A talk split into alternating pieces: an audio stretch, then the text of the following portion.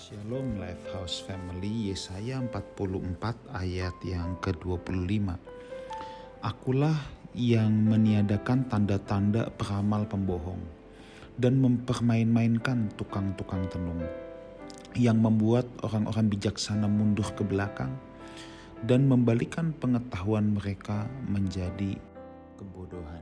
Saudaraku, sebenarnya semua manusia itu ingin tahu apa yang menjadi masa depannya.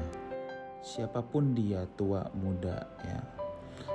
Mereka ingin tahu, saudara, apa yang menjadi masa depannya. Makanya kalau zaman dulu ya, zaman kalau saya masih sekolah itu ada majalah-majalah remaja ya. Sekarang majalah sudah tidak lagi ada yang mau baca karena semua online, tapi dulu masih majalah bentuk buku biasa ada majalah untuk wanita namanya gadis kawanku ada majalah untuk pria hai.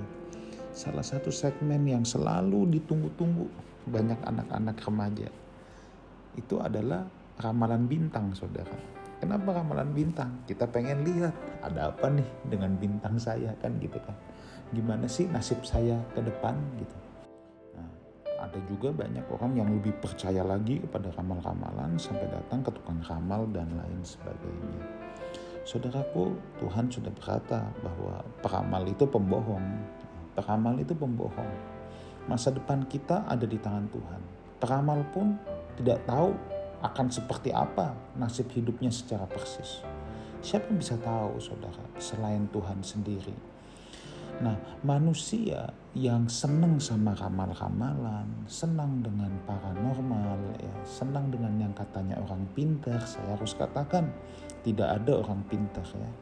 Tidak ada paranormal. Kita tidak boleh mempercayai gituan. Tidak ada orang pintar. Yang ada adalah orang bodoh yang datang ke orang itu. Makanya orang itu disebut orang pintar karena yang datang adalah yang bodoh-bodoh. Jadi kalau kita datang ya ke paranormal yang kita anggap orang pintar berarti kita tergolong orang bodoh orang yang seneng gitu-gituan ya yang maunya diramal ya itu sebenarnya sangat-sangat melukai hati Tuhan. Kenapa? Sebab itu tandanya kita tidak mempercayai Tuhan. Tidak sedikit loh saudara orang-orang Kristen yang masih yang masih ingin tahu tentang gini-ginian ya percaya begini-ginian.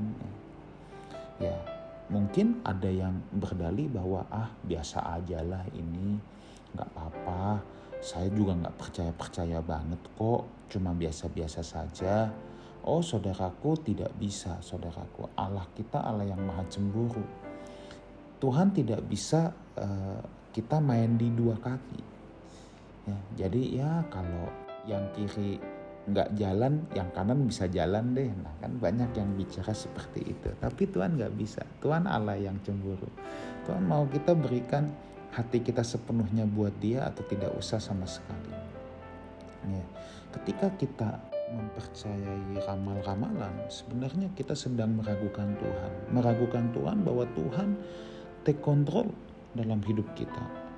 Itu sebabnya saudara yuk kita harus mengenal Tuhan Orang yang mengenal Tuhan baru bisa mempercayakan dirinya sepenuhnya kepada Tuhan.